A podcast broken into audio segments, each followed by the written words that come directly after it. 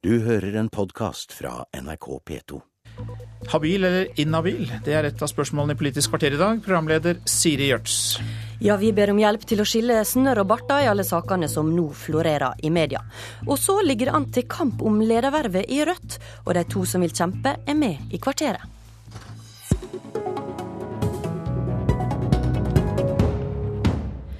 I går så fortalte NRK at tidligere helseminister Bjarne Håkon Hansen trolig begikk lovbrudd da han ga 60 millioner kroner til Kirkens Bymisjon, uten at noen andre fikk muligheten til å søke om de pengene. Og det til en organisasjon hvor kona jobber. Og dette føyer seg da inn i rekka av saker hvor offentlige penger har blitt gitt til organisasjoner knytta til venner eller bekjente av statsrådene. Og Anders Anundsen, leder i kontroll- og konstitusjonskomiteen for Frp. Hvordan ser du nå på denne saken i forhold til de andre sakene som har vært tidligere? Jeg tror vi skal understreke at alle disse sakene har jo sine egne virkeligheter og sin egen dynamikk. Men det er noen fellestrekk, og det er noen ting som er ulike. Det som er felles for alle disse sakene, er jo at habilitet har vært et veldig sentralt spørsmål. Eller fraværet av vurdering av egen habilitet har vært et sentralt spørsmål. Og det er en utfordring, fordi vi, er, vi lever i et samfunn som er helt avhengig av at de som fatter beslutninger, er habile. Det betyr rett og slett at du bare skal forholde deg til politikk og fakta når du skal ta en beslutning, og ikke vennskap, kjennskap eller penger eller andre ting som ikke har noe med saken å gjøre. Og da er det ikke nødvendigvis det om du er inhabil eller ikke som er det viktigste spørsmålet, men det viktigste spørsmålet er at du klarer å få foretatt en vurdering av den habiliteten før det fattes en beslutning. Så jeg mener at det er det som er det viktigste fellestrekket i disse sakene, og det er det som også kan uh, svekke tilliten som folk må ha til vår for forvaltning. Utover det så er det en del uh, ulikheter ved de ulike sakene, naturligvis.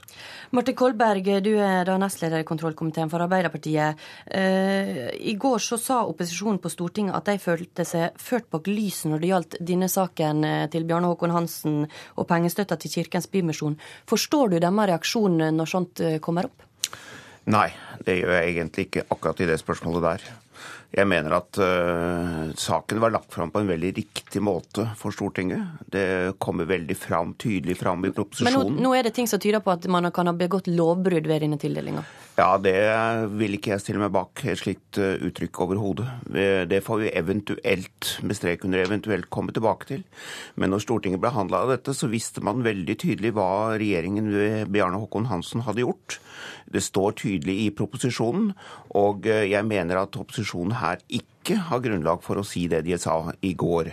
Slik at den, på det punktet vil jeg være veldig tydelig. Men det betyr ikke at ikke jeg som Anundsen er veldig opptatt av at vi skal være veldig nøye med habilitetsspørsmålene.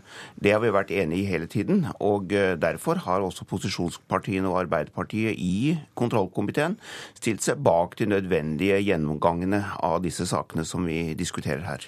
Men da for å, ta, for å ta dette med habiliteten, da, som da dere åpenbart syns er viktigst. Den andre saken, i som, den saken som dreier seg om at UD har bevilga penger til Senter for nordområdelogistikk der en venn av utenriksminister Jonas Gahr Støre da er styreleder og var initiativtaker, så holder Støre hardnakka på at han er habil.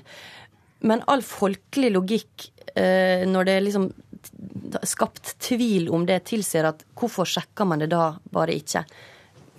Hva tenker du om det? Nei, jeg, jeg, støtter meg på det som utenriksministeren har sagt hele tiden her, og jeg tror på hans ord. Men, men når det er skapt tvil, hvorfor ikke da bare sjekke? Ja, Nå er denne saken flere år tilbake, og jeg syns ikke det, i hvert fall i ettertid, er noe grunnlag for, for utenriksministeren å gå tilbake og be om en habilitetsvurdering nå. Altså, Lovavdelingen i Justisdepartementet, det er ingen domstol. Og det å gå tilbake Men det var, vel nettopp, som... det var vel nettopp det det ble i Lysbakken-saken? Ja, Det vil jeg ikke si, fordi Lysbakken selv trakk den konklusjonen. Og det er det som er det essensielle når det gjelder reglene rundt habilitet. Det er jo at statsrådene selv, eller den som er berørt av saken, uansett om han er statsråd eller ikke, skal gjøre sine egne vurderinger. Jeg vil, har lyst til å legge til en ting i forbindelse med resonnementet rundt Bjarne Håkon Hansen, hvis jeg kan få lov til det. Og det er å si at jeg tror det ville vært veldig fornuftig nå om Bjarne Håkon Hansen selv hadde kommet ut og forklart hva som hadde skjedd i den saken.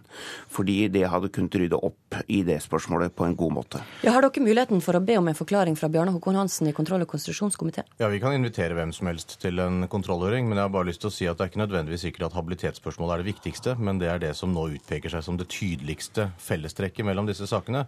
Brudd på økonomireglement og bevilgningsreglement er veldig alvorlig.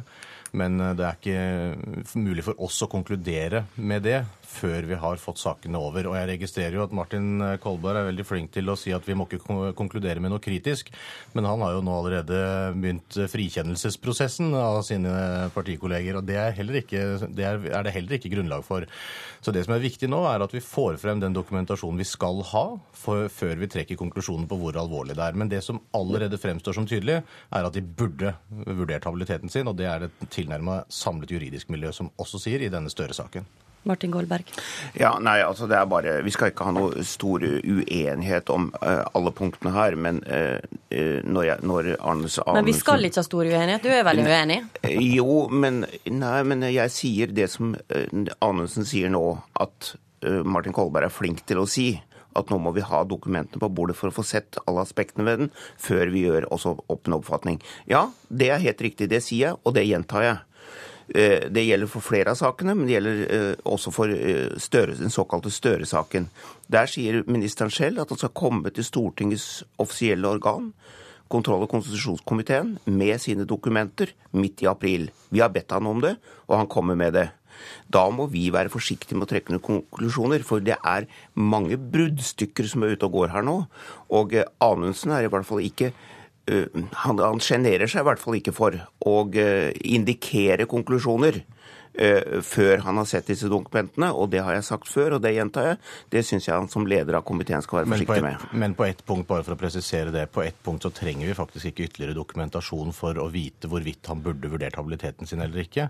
Det er eh, brettet ut fra såpass mange medier nå over tid, at, og, og, statsråden har selv hatt et innlegg i Dagbladet i går hvor han har forklart sin uh, versjon av den fortellingen, og det er helt åpenbart at han burde vurdert sin habilitet. Men de øvrige forholdene forholdene i den saken er jeg helt enig om at vi trenger dokumentasjonen for å konkludere. Og det gjelder også i forhold til denne Bjarne Håkon Hansen-saken som nå er kommet sist fra NRK. Eh, både i forhold til om det har skjedd noe kritikkverdig, og om det ikke er skjedd noe kritikkverdig. Eh, så Kolberg hevder jo her at her er alt eh, på plass. Jeg er ikke så sikker på det. I dag så ber VG over to sider om hjelp fra leserne til å granske regjeringa sin pengebruk. Er det den type dokumentasjon som kan sparke opp flere saker, Martin Kolberg? Det vet jeg ikke, men jeg er iallfall ikke redd for det. Folk må bare si hva de mener og hva de syns. Og så må vi ta en nøktern vurdering av det som foregår. Det som er viktig for meg å få sagt, og som er det viktigste egentlig, det er at eh, i regjeringen, og det tror jeg faktisk er på tvers av alle partier, så er man veldig solid på habilitetsspørsmålene. Det er veldig seriøs håndtering av dette. Og vi skal ikke forhåndsdømme det, men vi skal også gjennomføre en kontroll. Og vi skal også trekke våre konklusjoner når det er grunnlag for det. Og den konklusjonen håper jeg at vi kan få til før sommeren. Det ville være veldig bra. Ligger den til før sommeren, eh, Anundsen? Det tror jeg blir veldig vanskelig når vi får dokumentasjon i slutten av april. Så skal det mye til før vi klarer å konkludere med det. Men jeg er kjempeglad for det VG gjør nå. De bruker en bredde og en, og en flate som ikke kontroll- og konstitusjonskomiteen kan gjøre. Og vi er flinke til å følge med i media i vår komité. Eh, så det blir mange spennende dager fremover antagelig. Og Da sier jeg takk til Martin Kolberg og Anders Anundsen.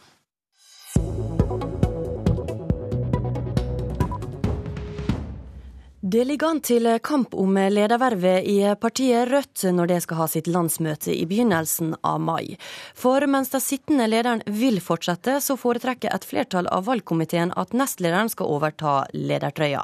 Og Turi Thomassen, du er leder i Rødt. Hvorfor mener du det er riktig at du får fortsette som leder? I 2010 så valgte landsmøtet meg enstemmig for å bli leder i partiet Rødt.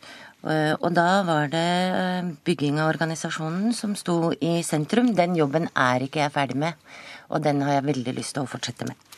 Men uh, syns du du har lykkes med det prosjektet så langt? Det, det, er alltid vanskelig å bygge Rødt. Vi har gått fram og tilbake eh, lenge før vi ble Rødt. Men vi har blitt flere medlemmer, og det har dukka opp flere lag. Og det, og det, er jo en måte å bygge på, men vi, dette må vi se på langsiktig. Og det er jo ikke bare en leder som skal gjøre, det skal jo hele organisasjonen være med på. Bjørnar Moxnes, nestleder i Rødt. Hvorfor vil du utfordre Turi Thomassen om å bli eh, leder? Jeg må først få si god morgen da, til Lillehammer. Jeg stiller jo både fordi jeg har lyst til å gjøre en god jobb, men også primært fordi jeg mener at det trengs eh, et eh, sterkere Rødt. Eh, norsk politikk det har blitt samling i sentrum.